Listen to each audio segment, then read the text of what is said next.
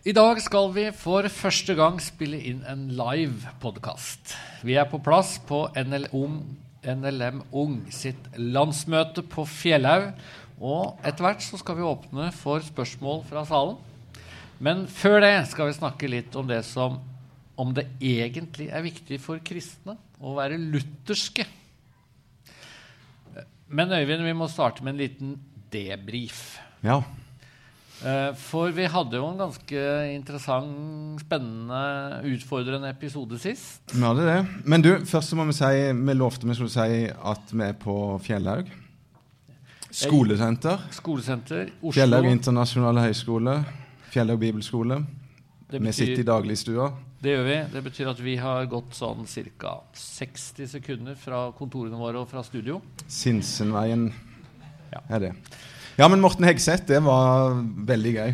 Det er jo ikke sikkert alle har fått det med seg. Tror du ikke? men, vi håper jo det, selvfølgelig. Vi håper det. Ja. Men det var altså VGTV som uh, var uh, på plass. Mm. Og, og det vi kan røpe, tror jeg, for denne eksklusive gjengen, er jo at vi faktisk i dag har sett det Ja. klippet som VGTV kommer til å spille om en uke eller to. Ja, Fra sitt Det så bra ut, det. Vi er ja, fornøyd. Vi har, ikke, vi har ikke sendt inn klager. Nei. Nei, men Det er utrolig spennende å treffe en sånn eh, type som, eh, som ikke vi naturlig ville truffet noe annen plass. Og fint å få bryne seg litt på en mann som, eh, som er ganske uenig med oss i mange ting, og som, som i tillegg er homofil da, og stiller oss ganske mange sånn personlige, nærgående spørsmål.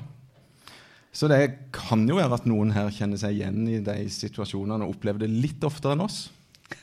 Ja, og, og det er jo et poeng med den episoden, og vi bør kanskje gjøre det innimellom. eh, at Kan vi eh, treffer gjester, har folk på besøk som vil grille oss, istedenfor at vi eh, alltid er enige og alltid tauer inn folk som uh, Vi er litt for lite uenige, Espen. Kanskje vi skulle prøve å finne noen temaer der vi kan krangle litt? Ja, så jeg tror jo vi snart er der, da. Du er jo mer opptatt av å være luthersk enn jeg er. Ja, Tror du det? Ja, det er jeg ikke sikker på. Det, Det det, det skal vi finne ut Ja, vi skal finne ut av det. Men du, vi hørte jo veldig nøye gjennom episoden eh, med Morten Hegseth. Mm. Eh, er det noe du angrer på at du ikke fikk sagt? For han, Ja, han mye det, snakket mye. Han snakka mye. Det var ikke så lett å komme til alltid. Nei, det var ikke det. Nei. Han uh, kan snakke i podkast, han. Ja. Men uh, ja, det er jo mange ting som du kunne tenkt å spurt litt mer om. da, Hans tru og bakgrunn, og, og kanskje utfordre han litt igjen. da. Han stilte jo mange tøffe spørsmål til oss, så kanskje vi kunne stilt litt tøffere spørsmål igjen. Men, uh, men det, det, ja, nei, det var ikke så lett. Jeg hadde et spørsmål da, som jeg hadde planlagt, og av en eller annen grunn så ble det liksom aldri naturlig å, å stille det. Men det er jo følgende. Han og denne VGTV-serien har jo vært i kontakt med ganske mye folk jeg kjenner. Mm. Kristne homofile. Noen av de har, eh, eller kan fortelle om endring i livet. Eh, Noen av de kan ikke det. Har eh, opplevd seg som homofil i 50 år eller noe sånt, og, og, og lever som single. Men ingen har stilt opp i VGTV. Ingen tør. Nei, Eller- Det er det jeg skulle tenkt meg å grille han på. Har, har du liksom skremt vettet av disse? Ja. Uh, og jeg tror jo kanskje at uh, når du får en telefon fra VG, og du får en telefon fra en programleder som er veldig tydelig på at han er homofil, og han er kjempeskeptisk til alt som smaker av homoterapi og en kristen måte å tenke om dette på, eh, og han har tenkt å stille deg masse vriene spørsmål, så skjønner jeg jo at Det er ganske tøff hvis du stiller på det, ja. Ja. Det er sant, det. Nei, men det var en fin erfaring, iallfall, og vi satser på å gjøre noe lignende seinere. Ja. Og så er vi jo litt opptatt av lytter- og seertall og sånn, så vi må finne noen som kan booste det litt. Grann. Ja, det kan hende det går litt ned når vi er her, men, uh... Nei, nei, nei. Men i, i det minste så har vi jo mye publikum, og vi må nesten sørge for at eh, de som hører og ser dette, får med seg at dere er her. Så en liten sånn jubelscene, kan vi få det? Litt sånn Ja, Veldig bra. veldig bra. Ja, veldig bra. Det er nesten som i Beograd her om dagen.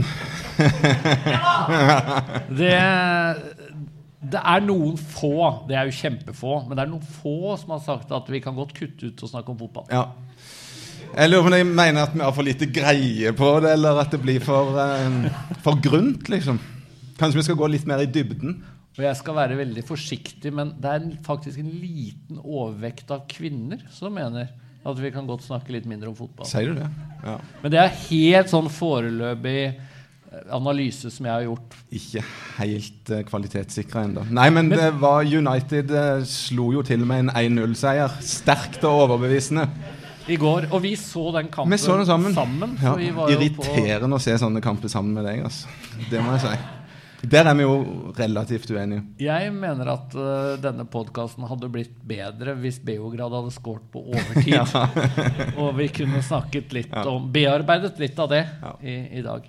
Nei, men det snudde nå, vet du. Det, ble, det var jo faktisk ingen bortekamper vunnet under Ole Gunnar Solskjær siden Paris Saint-Germain. med. Da må du til Beograd for å få seier. Ja, men det kommer tre bortekamper til. Så nå, nå er det snudd. Nå er det snudd. Ja. Du, eh, vi må jo si kanskje også litt om eh, hvor stas det er å være på ung landsmøte. Eh, altså to veldig unge spillere. En venstreback som ble kåra til banens beste spiller. James Garner på midtbanen. Og det er fantastisk å se sånne unge talenter som slår til. Veldig mye entusiasme på bakgrunn av gøy. Det er 1-0-seier over Partisan Beograd. Ja, ja. Ja. Nei, men ung, ung landsmøte. Vi- altså, ja, om ungdommens landsmøte, var det jeg sa her Ja. gang. Ja. ja, for du Men årsmøte i føler deg jo veldig hjemme blant de unge. Ja, gjør det. Ja. Gjør det. det. Jeg vet ikke om du husker når du var ung og kjekk og lovende? Det, Nei, det har jeg for lengst Sånn. glemt, gitt. sånn ca. 30 år siden, kanskje du kunne bruke den betegnelsen? Ja. Det er en stund siden. Og da var det ikke noe landsmøte i NLM Ung. hvert Nei, Så dette er jo noe, noe nytt og friskt. Men det, det, er jo, det er jo gøy å tenke på at eh, At når vi var sånn i 20-årsalderen og gikk her på Fjellhaug og, og hadde ja, Noe vil vi helst glemme, men, men en del er jo ganske artige og gode minner. Så husker jeg at vi snakka litt om du og meg og flere andre, at vi var skikkelig irritert på de der gamlingene som drev og kalte oss for ungdommer hele tida. Og det varte jo sånn på, i, på bedehuset så varer jo det til du bikker 30, liksom. ikke sant? Du husker det? Jeg, altså, Ja. Det hender jo fortsatt at jeg er et eller annet sted ja. hvor gjennomsnittsalderen er sånn 84 omtrent. Så blir du kalt ungdommen? Ja. Så, så sånn sett så mener jeg at NLM og en del bedehus kanskje er de stedene man i størst grad kan bygge selvtillit som ung. Ja. Lenge. Det er sant. Men, men jeg ble uansett litt obs på det her, her om dagen. Og husker at jeg gikk og irriterte meg litt på det.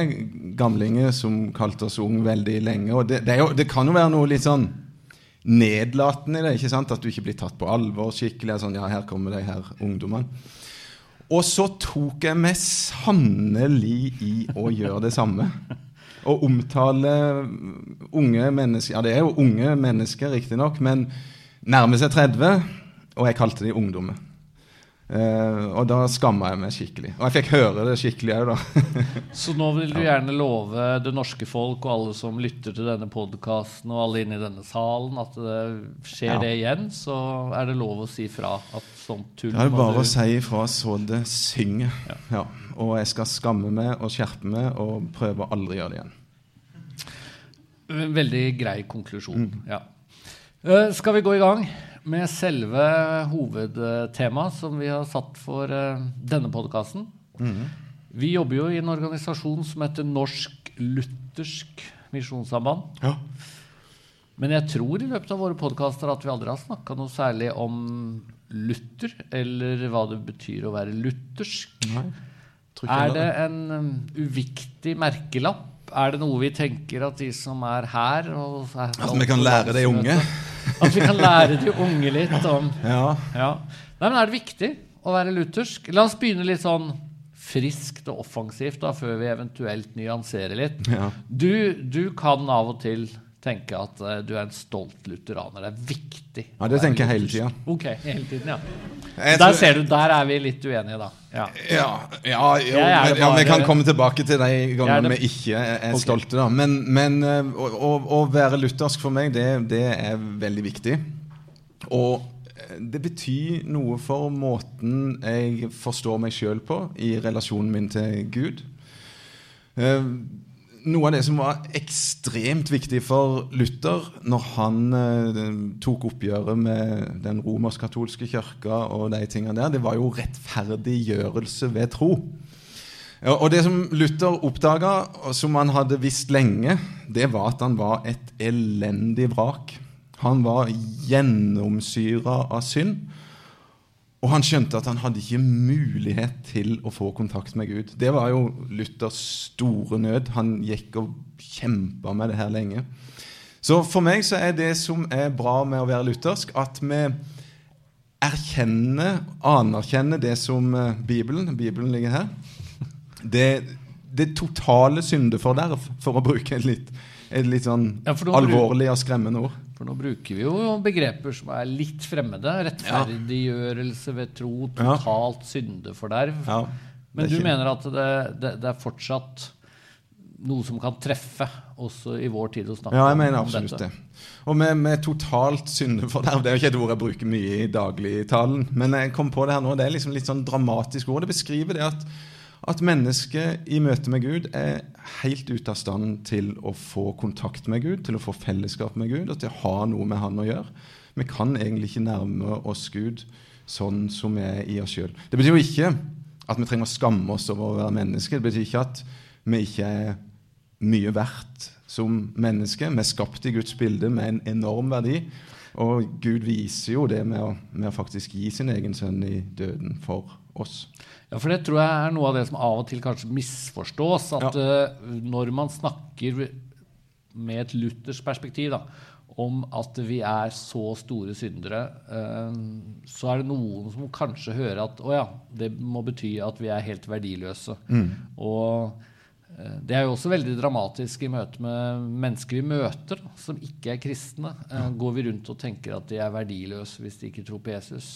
Og det mener vi jo ikke. Her er det på en måte to ulike nivåer. Det ene nivået er eh, hvem er vi? Vi Skapt i Guds mennesker som. Skapt. Mm. Og som skapt så er vi verdifulle. Ja. Men i møte med Gud, når temaet er frelse, da har vi litt å stille opp med. Da har vi ingenting å stille opp med. Og det er noe så fantastisk eh, herlig, befriende å, skjønne det, anerkjenne det og si både til hverandre og til Gud ja, det er sant. Jeg kan faktisk ikke nærme meg Gud. Og, og, og så er jo evangeliet de helt fantastisk gode nyhetene. Det er klart Når du skjønner at du i deg sjøl er fortapt og ikke kan nærme deg Gud, jeg tror ikke jeg har vært så desperat som Luther var noen gang. Eh, og det er kanskje ikke så mange som opplever det.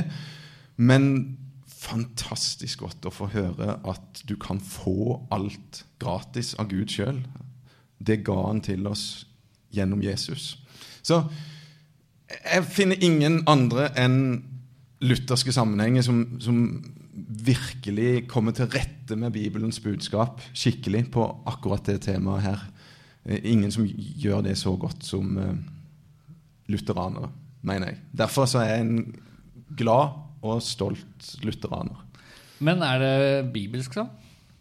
For det er jo én ting, er jo, og det har jo kanskje vært et problem av og til i noen sammenhenger, at man er mer opptatt av å vise at ting er luthersk enn at det er bibelsk. Men, men hvilke bibeltekst vil du trekke fram som, som har dette perspektivet? Luther kjempa jo mye med, med bibeltekster, og vi kan kanskje komme inn på litt det etter hvert, at det var Skriften alene var jo et av hans store prinsippet. Så jeg, jeg mener jo at det som Luther gjorde, var å forstå Bibelen på en god måte og legge det ut på en god måte. Og, og annet i Romerne 3, som jeg har bladd opp i her, eh, så er det eh, et par vers i 22 og 23 som sier det her ganske bra. For det er ingen forskjell. Alle har syndet og mangler Guds herlighet. Og de blir rettferdiggjort for intet, gratis, av Hans nåde, ved forløsningen i Kristus Jesus. å bli rettferdiggjort er jo et fantastisk uh, uttrykk, egentlig, som vi heller ikke bruker så veldig mye i dagligtalen, utenom sånne teologer som deg og meg. Men, uh, men det betyr jo rett og slett at, uh, at Jesus tar vår plass. Og at han, i han da, så kan vi møte Gud. Ja, og at vi blir, altså, vi blir gjort rettferdige av Gud ved troen. Og, det er jo mange tekster. Vi skal ikke lese alle de, men du har Romerbrevet, du har tekster i Galatebrevet, du har tekster i Filippebrevet, som er veldig opptatt av at, at, det vi trenger for å møte Gud, nemlig rettferdighet, å være et rettferdig menneske, det er det noe uh, vi blir gitt av Gud, mm. og som tas imot i tro. Og det som kanskje mange ikke er så klar over, er jo at den, katolske forståelsen som i hvert fall Luther da opplevde veldig vanskelig i middel, eh, altså på hans tid, middelalderen, var jo at Når levde Luther? 1482 eller 83. Mm -hmm. Man er litt usikker på om det var 82 eller 83. Av at uh, høsten. Han trodde selv det var 1482, faktisk. Ja. Men, Men du, slapp av, da. Bare kom til poenget. Og så døde han i 1546. Ja. ja. Men i hvert fall Der kan du. Ja, akkurat det. Jeg, jeg har det ikke på skjerm hvis noen vil sjekke det etterpå. Um, men i hvert fall Den katolske læren som han var vokst opp med, var jo at uh, nåde er først og fremst forvandling. Mm. Og hvis det er perspektivet, at det å være en kristen og det å bli en kristen, det er at Gud på en måte gjør noe med hjertet vårt jeg sier ikke at det ikke kan skje, og at det ikke, at det ikke er noe av det i det kristne budskapet. Men hvis det er det du bygger på, så er det klart at har du en skikkelig dårlig dag og føler at uh, du kommer veldig til kort, du kjenner deg veldig som en synder, så blir du ikke akkurat trøstet av et budskap om at uh, testen på om du er rettferdiggjort, er at du har et forvandlet hjerte. Nei. Og da blir dette her utrolig viktig. Veldig, veldig viktig. Ja. det er, det, her er jo noe, det er mange her som er sikkert vokst opp i bedehustradisjonen og har hørt det her ganske mye og tenker at er det her egentlig noe å bruke så mye tid på i en podkast? Men det er klart det, For meg så er det jo helt grunnleggende viktig, og noe som jeg tror vi trenger kanskje faktisk å snakke enda mer om. Og, og når en møter andre kristne med en annen forståelse, så, så vokser iallfall takknemligheten hos meg for at jeg har hørt det her ofte, og for at jeg er en del av den tradisjonen. Og jeg tror for norske tenåringer, f.eks., så er det her et helt fantastisk frigjørende godt budskap. Unge mennesker som går og sammenligner seg med andre, som kjenner på presset fra omgivelsene om å prestere, om å se ut bra, om å ja, prestere på alle arenaer. Så kommer Gud inn i bildet, og så kan vi i stedet for å sammenligne oss med alle andre, så kan vi faktisk møte Gud og sammenligne oss med Han. Og oppleve der òg at vi kommer til kort, kanskje enda en byrde, men vi møtes med nåde. Det er mye som er nådeløst i samfunnet ellers, men hos Gud møter vi nåde. Og det, det er et budskap som alle mennesker trenger. Kanskje ikke minst unge mennesker i dag. Og så har du f.eks. Romerbrevet 5.20, hvor det vel står eh, der synden var stor, var nåden enda større. Mm. Det nærmer seg andakt, det her. Det, ja, det er en del eh, tekster der som, som, særlig når man ikke føler man får ja. til verken kristenliv eller tro eller kanskje hverdagen, så tror jeg det er noe veldig befriende i dette. Ja, Men det er jo andre ting òg, da, ved luthersk tro. Tenker som, du spesielt på Espen? kan ikke du fortelle det? uh, jo. Uh, jeg husker at uh, da jeg gikk på videregående, så møtte jeg veldig mye herlighetsteologi, kalte vi det den gangen. Det sier litt om hvor gammel du er, ja? Ja, det gjør det. trosforkynnelse ville man kanskje kalt det i dag. Og det begrepet Framgangsteologi? Herlighetsteologi, framgangsteologi Ja, det er ganske mange uttrykk som ble brukt. Mm. Uh, det vi kanskje ville kalt det i dag, var ytterliggående karismatikk. eller et eller annet slik. Men i hvert fall, det var en utrolig stor vekt på uh, at tro egentlig ikke handla om det vi har snakka om nå, altså det å ta imot Guds nåde, ta imot tilgivelse, ta imot rettferdiggjørelse. Tro, det handler om å ta imot helbredelse, ta imot framgang, ta imot suksess. Eh, og har man stor tro, så ordner alt seg. Det blir aldri sykdom. Eh, det blir aldri nederlag. Det, er, det er dette kristendom er. da. Det er Og hvis det ikke ordner seg, så er det deg det er noe feil med, og de Ja. tror? Ja. Og du, rett og slett, Gud vil helbrede alle, og Gud vil alltid ordne opp, eh, kort sagt. Og jeg eh, fikk møte den type forkynnelse ganske mye, og kjente det utrolig eh, utfordrende. Jeg tror det kanskje handla litt om sånne personlige ting som at uh, faren min ble jo kristen uh, sånn bare rett før jeg ble født. Og så fikk han kreft, og så døde han da jeg var fem år. Eh, og jeg tror jeg liksom tenkte at hvis disse her har rett, så døde far fordi han ikke var sterk nok i troen, eller, og, og mor og vi som ba for han, vi var for slappe i, i troen. Eh, pluss at eh, det var et eller annet som jeg opplevde som litt sånn skremmende. Da. Hvis, hvis vekten legges så enormt på at du må prestere i tro. Um, og da, da blei jeg nok opptatt av at um, det å være luthersk, det er å tenke annerledes. Eh, og det er jeg takknemlig for den dag i dag. Jeg tror uh, det å ha et større rom, for det var jo også Luther opptatt av, at uh, Um, det er mye vi ikke kan forstå når det gjelder hvordan Gud leder oss mennesker. Uh, han snakket om at uh, uh, vi må være innstilt på at vi ser Gud bakfra. Og så brukte han et, eh, en fortelling som sikkert noen har hørt, fra andre Mosbok 33, er det vel, hvor um, um, Moses får beskjed om at du kan ikke se mitt ansikt, men du kan få se meg bakfra. Og Luther hadde en eller annen tanke om det som kanskje er vel kreativ eh, bibeltolkning, men, men dog at sånn er det å være kristen. Vi, vi, vi kan ikke i dette livet se Gud ansikt til ansikt. Det er stor avstand mellom oss og Gud. Gud er opphøyd, Gud er hellig, eh, og, og vi er svake syndere, men vi kan likevel eh, eh, ja, legge vårt liv i Guds hender. Du Fant du teksten, eller sa jeg feil? Jeg tror kanskje du sa feil. Du ser om du finner det her. Nei, men det er iallfall 32, da. Det er rett før 33. 32, ja. Ja, ja. 32. Det, i fall- det, det her var litt sånn personlig vitnesbyrd, og nesten litt andakt fra Espen og Eivind på at hvorfor vi er lutheranere, eller tenker at det er godt for mennesket. God tolkning av Bibelen, god forståelse. Men så åpner vi jo for spørsmål etterpå, så kanskje kommer noe på dette. Men jeg Kanskje. vet jo noen eh, type innvendinger som vi av og til får. Det ene er jo når du sier, eller vi sier, at eh, sånn er det å være luthersk kristen.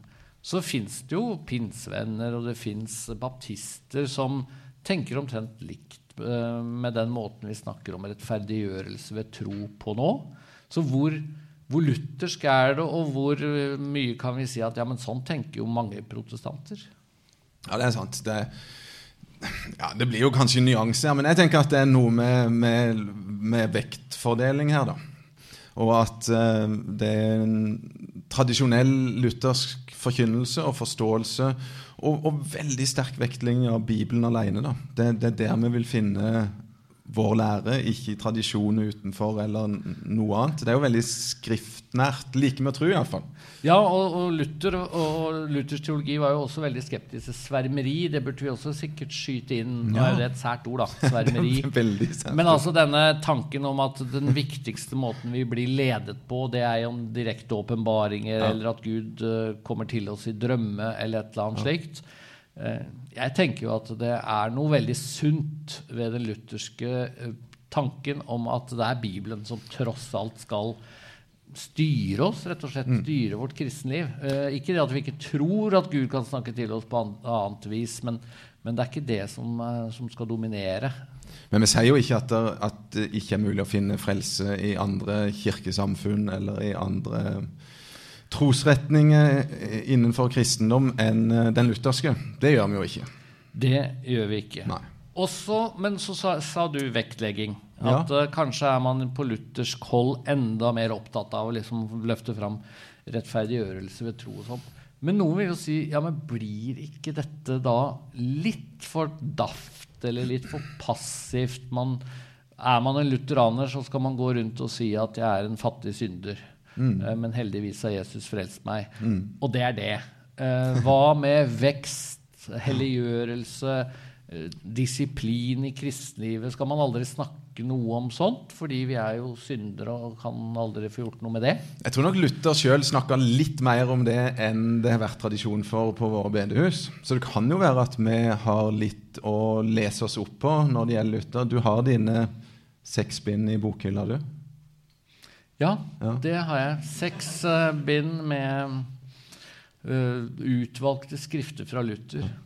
Du, du påsto at det var ti bind Ja. når vi forberedte oss til denne episoden, og så irriterte det meg litt her at jeg ikke kunne korrigere deg i podkasten, men nå gjør jeg det, da. Nå gjør du det likevel. Ja. Nei da, men det er seks bind. Og det, det, men, men Luther var nok Han var veldig opptatt Han laga jo katekismen, ikke sant? og han var opptatt av det kristne livet. Og at det gikk an å ha vekst i det kristne livet, og at det handla om å følge Jesus og bli lik han. Og der er det et eller annet med å prøve å få plass til to tanker i hodet på en gang. Det det. Eh, Luthers teologi sier at å være kristen det betyr at vi er samtidig synder og rettferdig. Simulus. Ja. Du tar det på latin. Nei, jeg gjør ikke det. Det var, bare, det var, det var for dumt. ja. Samtidig synder og rettferdig. Og vi er rettferdige fordi vi har fått nåde fra Gud. Vi Mm. er syndere i oss selv. Men det betyr jo ikke, selv om vi fastholder det, at det ikke går an å oppleve vekst, at det ikke går an å oppleve seier over konkrete synder i livet. Men, men vi må erkjenne at, at synden henger fast ved oss eh, til den siste dag. Og så må vi ja, prøve å være balanserte her, da. Og du vet, Passivitet det blir jo egentlig lite av det hvis du virkelig har skjønt det som vi innleda med. ikke sant? At jeg var fortapt, men har blitt frelst. Og det gjelder for alle mennesker, som, det las, som vi las i, i Romer 3. Eh, det er kun frelse i Jesus, og det gjelder hele verden. Det, det er ikke mye rom. Hvis du virkelig har skjønt det, virkelig tatt det innover deg, da er det ikke annet å gjøre enn å bli med i Norsk Luthersk Misjonssamband og drive, og drive misjon til verdens ende. Det er Eller andre plasser, da. Men iallfall, det, det, det skaper ikke god grobunn for passivitet hvis du virkelig har skjønt det budskapet. Helt enig. Men for å være lutheraner må vi mene det samme som Luther i alle spørsmål? Er du enig med Luther i alt? Nei, jeg tror ikke det. Det har jo vært mye rundt Luther-jubileet som var Når var det? For to år siden, kanskje? Så var det mye snakk om Luthers forhold til, til jøder, f.eks., og, og til muslimer og forskjellig. Noen vil kanskje hevde at Luther etter dagens målestokk var en rasist. Det var ikke min påstand, altså. Men, men nei, det er klart, Luther, det er litt av hvert han sa og gjorde som ikke er noe å høre på og følge i dag. Vi må jo Og han sa jo ufattelig mye, for nå har jo du og jeg skrytt av at vi har altså seks uh, binds verket hans. Det er bare Men, men det er jo hvis du går på biblioteket her på Fjellhaug over tunet og sjekker ut Luthers Works, så tror jeg det er 65 bind. eller noe sånt. Og hvis jeg ikke husker helt feil Når du sier det, så er det helt sikkert sant. Vel, vel. Men jeg tror det er 20 bind jeg, som bare er folk som har skrevet ned bordtalene hans og ting han har sagt, og forelesninger han hadde. Og så, så er, skal du være Luther-forsker, så, så må man jo bruke flere år bare på å lese alt det han hadde sagt, da, hvis man, man trenger å, å finne ut av det. Og Det er skulle- godt ikke våre podkast skal samles i mange bind på biblioteket på Fjellhaug. Ja. Det er jo godt å vite. Er du sikker på at eh, vi slipper unna? Ja. Okay. Det Men uh, vi er stolte lutheranere. Jeg tenker det er viktig å være luthersk. Men hvis, uh, bare for å ta et tankeeksperiment du, Det er kanskje ikke et helt tankeeksperiment heller, for du har gjort det. Altså, du flytter til Cambridge i USA eller eh, et eller annet sted Cambridge i, i USA. i Ja. England. Eller du flytter til USA, skulle jeg si. Ja, ja, Eller et helt annet sted, et år. Du vil finne deg en menighet. ja. Sjansen er jo ganske stor for at eh, det ikke er noen luthersk menighet som du Absolutt. kanskje vil føle deg hjemme i. For internasjonalt så er det jo ikke mange lutheranere som er enig med oss. Nei, det er, det er, jo et uh, godt poeng. Det er jo veldig mye rare lutherske vet du, rundt omkring. Det er det. Eh, mye liberalt. Ja. Eh, når jeg kom til Kenya og begynte på språkskolen, så var jeg sammen med forskjellige baptister, pinsevenner og litt forskjellig. Og de nekta å ha bønnemøte sammen med meg fordi jeg var lutheraner. Og, og, det hang jo sammen med at de, eh, de forbandt det med Luthersk verdensforbund, veldig liberal forståelse av Bibelen. Um, og de evangelikale, da, som vi ofte kaller dem, var ekstremt skeptiske. Men når vi ble litt bedre kjent, så sa han som var mest skeptisk til meg, at nå skjønner vi at du var born again likevel, så da kan vi be sammen. Ja. Så det finnes jo mye rart der ute som er luthersk. og I, i USA finner du jo f.eks. alle avskygninger av det, det mest uh, liberale, altså de som etter vår mening da, går vekk fra Bibelens ord, og som er ganske ekstreme, egentlig. Og du finner noe voldsomt konservativt, høykirkelig, veldig vekt på liturgi, kirkeordninger og presten, embetet og sånne ting. Så, så, det finnes jo mange avskygninger. Ja, for jeg har møtt uh, folk som har flytta til et eller annet sted for å studere, og som sier at det fantes kanskje to lutherske kirker i den byen jeg flytta til. Enten var det kjempestivt, uh, eller så var det veldig liberalt. Så jeg begynte å gå i en baptistkirke. Hva Good for you, vil jeg sagt. Vi kan si det. Ja, absolutt. Ja. Ja, absolutt. ja, for det er et poeng at det er mye luthersk tankegods, heldigvis, i eh, også mange menigheter og mange sammenhenger som ikke kaller seg lutherske. Og jeg leste for eh, et år siden eller noe sånt en, uh, en brite som heter Michael Reeves. Ja. Som er anglikaner, altså tilhører den anglikanske kirke. Men jeg tror jeg aldri har lest en bok som hyller Luther mer enn han skrev. En, en bok som både gikk gjennom Calvin og Luther og disse reformatorene. Men han hadde jo en fortelling om at han kom over boka 'En kristens frihet' av Luther som 17-åring mm -hmm. og ble kristen fordi Fantastisk. han leste den. Um, så, så jeg holdt på å si luthersk tankegods finner man heldigvis det henger jo forhåpentligvis sammen med at uh, Luthers tankegods ofte kommer fra Bibelen, og det er andre ja. som leser Bibelen òg og ser noe av det samme. Ja, Det er jo bra. Er Men du, bra. nå um, nå må vi Er det spørsmålstid, eller? Nå er det tid for spørsmål. Nå er det tid for spørsmål. Harald er ute og saumfarer rommet. Vi har fått uh, også innsendt noe på Facebook, og kan jo også skyte inn at vi har jo Facebook-side. Mm. Det er mulig å komme i kontakt med oss der, eh, komme med forslag til temaer, stille spørsmål, uh, gi respons. Og um, mens vi venter på at Harald finner førstemann til å stille spørsmål, så tar vi et av de som kom i går, tror jeg. Og det er formulert sånn. Hvorfor velger Gud å åpenbare seg gjennom Bibelen når mye i den er tvetydig, og folk tolker Bibelen så forskjellig?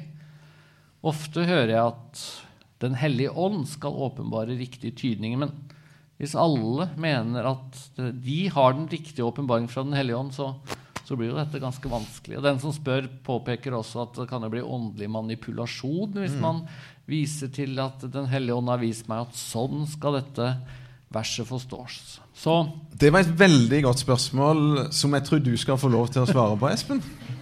Kanskje det? Ja, for jeg er i hvert fall enig i at Så skal jeg hjelpe deg når du ja, sitter fast. Men jeg tenker at det er et veldig godt spørsmål. Uh, mm. Og jeg syns det kommer ganske ofte. Altså, hvorfor er ikke Bibelen mer klar? Har ikke du skrevet bok om det her? Nesten. Hvorfor skriver Nei. Hvorfor skriver ikke Gud på himmelen? Ja. Ja. Han kunne jo gjort det i stedet for i Bibelen. I Bibelen. Ja. ja. det er sant. Og det hadde vært praktisk det hvis vi kunne, kunne bare gløtte opp på himmelen hver aften og få en beskjed fra, fra Gud. Mm. Men uh, her er det jo også en bro da, til dagens tema. For Luther var veldig opptatt av at Bibelen var klar.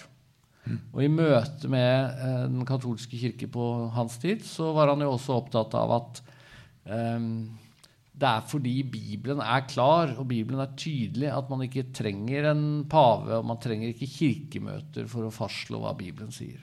Problemet var jo at på den tida så jeg de stort sett Bibelen på latin, som ikke var så mange som kunne. og Så kom jo trykkekunsten etter hvert på den tida, og så ble det litt mer schwung på det. Men det var jo dårlig stelt en stund. Ja, det var veldig mange som uh, aldri hadde lest en bibel. Mm. Uh, men jeg tror jeg tenker i møte med spørsmålet at uh, er det helt sikkert at Bibelen er uklar, eller kan hovedproblemet være at det er vi som er det? Ja.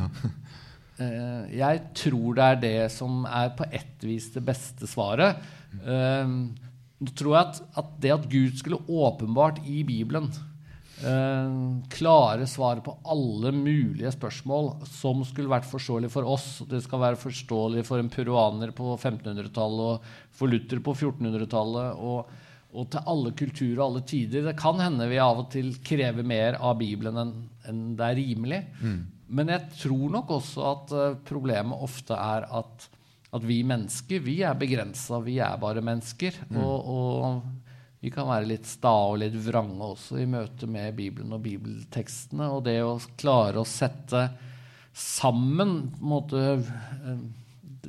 bildet av alt, alt, det som står i Bibelen da, om ulike ting, det, det, er, det, er, krevende. Så du tenker at det tross alt er eh, bra at det er sånn, da?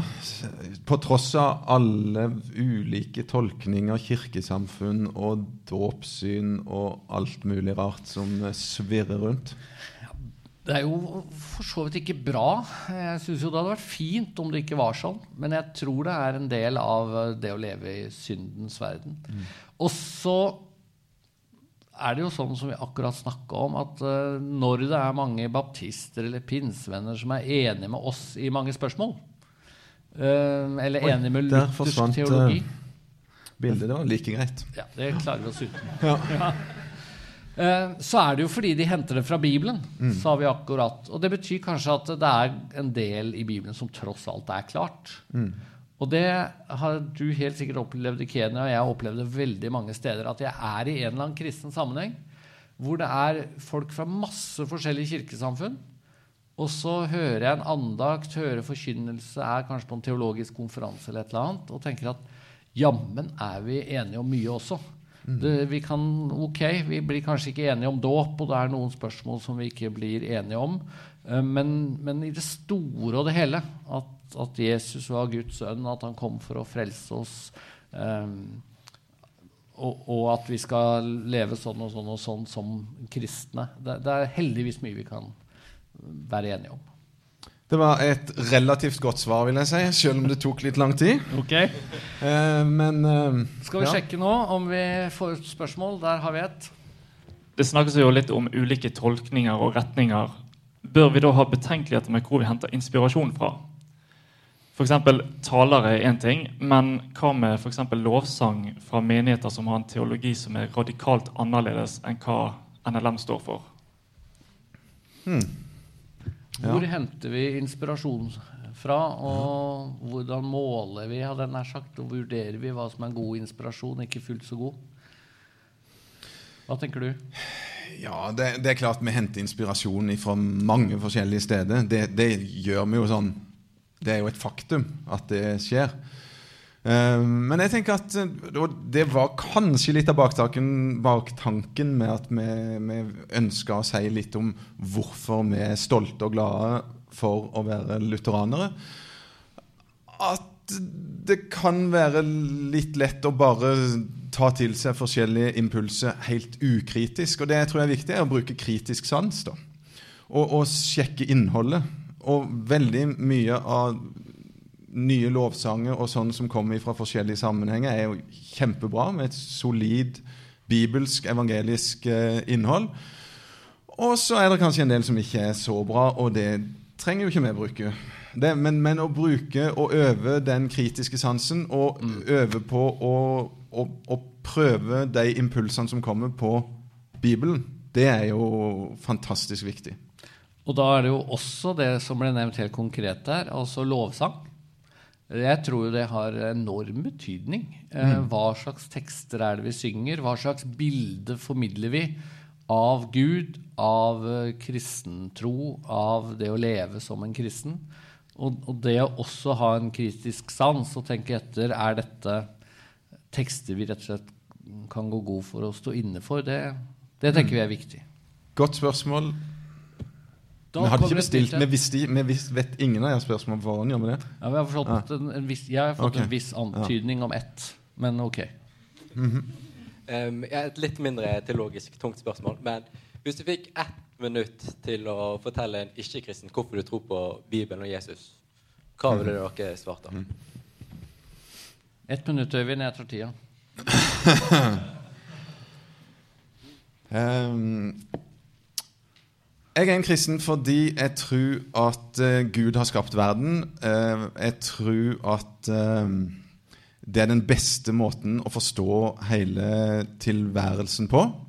Han har skapt alt, han holder alt oppe. og han skal en dag avslutte alt. Og med den samme kraft som han brukte å skape mennesket på, så kan han skape tru og tillit i hjertet mitt. Det har han gjort i hjertet mitt. Eh, og han, han ble faktisk menneske, han som var allmektig, opphøyd og stor. Han, han valgte å bli menneske for å komme ned til vårt nivå og, og berge oss mennesker. Det er jo ikke så lett å forstå, alt det som skjedde der, men, men, men det at det står i Bibelen at Gud ble menneske og tok bolig blant oss, og at han levde et liv som var sånn som jeg egentlig burde ha levd, Uh, og at han tok på seg min skyld min, den, den, og, og straffa som jeg burde hatt, den skammen som jeg kan føle, alt det tok Jesus på seg og døde på korset. Det, det er det sentrale i kristendom. Og det kan vi jo snakke litt mer om etter at det minuttet her er ferdig. Men, men eh, hvor lenge har jeg holdt på nå? Ja, du har Ikke et minutt ennå? Passert minutt. Har det? Ja, jeg tror det. Ja. Nei, det, det trodde jeg kanskje ikke. Men, men poenget er å si noe om, om Gud som kan eh, eh, forklare tilværelsen for oss, og som, som eh, både skapte og skal nyskape en gang. Det er to begreper som jeg liker veldig godt, og som det går an å forklare til mennesket. Litt på sikt, da. Kanskje ikke på ett minutt. Nei, for det er jo utfordringen at når vi møter mennesker, så har jo de gjerne et eller annet spørsmål, et eller annet utgangspunkt, et eller annet som, som er veldig viktig for dem, og da må man jo gjerne begynne der. Noen kan uh, nesten ingenting om uh, kristen tro. Noen kan, uh, kan mer. Jeg har også lyst til å føye til at noe av det jeg ofte tenker for min egen del, det er For, for det lå jo spørsmålet altså hvorfor tror du at Bibelen er sann? At jeg, det, var det, lå det her i spørsmålet? jeg tror egentlig oh, ja. det. ja Det fikk jeg ikke med meg. at, at uh, når jeg leser Bibelen, så skal jeg ikke si at jeg alltid får sterke opplevelser og den slags. Men sånn i det store og det hele så syns jeg ofte, når jeg har uh, en ro rundt uh, bibellesningen og, og leser da kanskje særlig Det nye testamentet, så, så slår det meg ofte at dette her, det er ikke bare ord. Det er et eller annet her som gir eh, et nytt perspektiv på livet, som presenterer eh, verden sånn som den virkelig er. Eh, det, er ikke, det er ikke bare gamle ord. Levende ord. Rett og slett levende ord som, som viser oss hvem Jesus er, da, dypest sett. Rekker vi et spørsmål til? Ja, jeg tror det. Ja, jeg lurte på sånn i forhold til rettferdiggjørelseslære. Er det sånn at man vil tenke at det er avgjørende å tro rett om det for, for å kunne bli frelst? Eller f.eks. hvis man blir helt oppslukt i herlighetsteologi, er det sånn at det kan sette et menneskes frelse i fare? Hvordan tenker dere om det? Ja, det er jo ikke det, det, La meg si det sånn, da. Det er iallfall ikke viktig å kunne forklare rettferdiggjørelseslæren i alle deler, og, og, og hvis du blir stilt til regnskap eh, for det. Men selve innholdet i det begrepet, det handler jo, som vi snakka om innledningsvis, eh, å, skjønne at en faktisk er fortapt i seg sjøl, eh, og at Jesus kom som frelser. Eh, og at du får det du trenger eh, av Gud sjøl, den rettferdigheten som du trenger. Men det er klart, Innholdet i det må på en eller annen måte være en del av trua di, tenker jeg. Eh, og, og, og, og, det handler jo om Jesus. ikke sant? Det er jo han det handler om. Å, feste sin tillit og stole på han. Men det er kjempeviktig å få fram at eh, Luthers teologi og Luther selv var jo veldig kritisk til den katolske kirke og snakka om den katolske kirke på en måte som vi ikke har tenkt å gjøre. Men selv om han var så kritisk som han var, så mente han jo at eh, selvfølgelig så kan det være katolikker som eh, har grepet budskapet om at Jesus døde for mine synder, og tro på det. Eh, og det er det som skal til. Så det er jo viktig å ikke gjøre kristendom til et spørsmål om teologi. Men uh, Et personlig forhold til Jesus. Personlig forhold til Jesus. Så enkelt. Og så tror vi at uh, forkynner man dette i en luthersk sammenheng, eller møter man det i en luthersk sammenheng, så er det kanskje enda lettere å gripe det, da, få tak i det, enn i andre teologiske sammenhenger hvor, hvor kanskje akkurat dette budskapet blir litt nedtonet eller kommer litt i skyggen av andre ting. Og det finnes jo definitivt sammenhenger som jeg vil si står i fare for å lede mennesket bort ifra Jesus, og lede mennesket vill. Så spørsmålet må du, må du liksom eh, være i rettferdiggjørelseslæren for å kunne kalle deg en kristen? Det, svaret blir jo på en måte ja da, til sjuende og sist på det. Men, men, jeg håper at den måten vi uttrykte på, viser at uh, det er ikke kun innenfor den lutherske kirke, og det er heller ikke noe som du må kunne teologisk forklare i ett og alt, men, men det handler enkelt og greit om forholdet ditt til Jesus. Ja.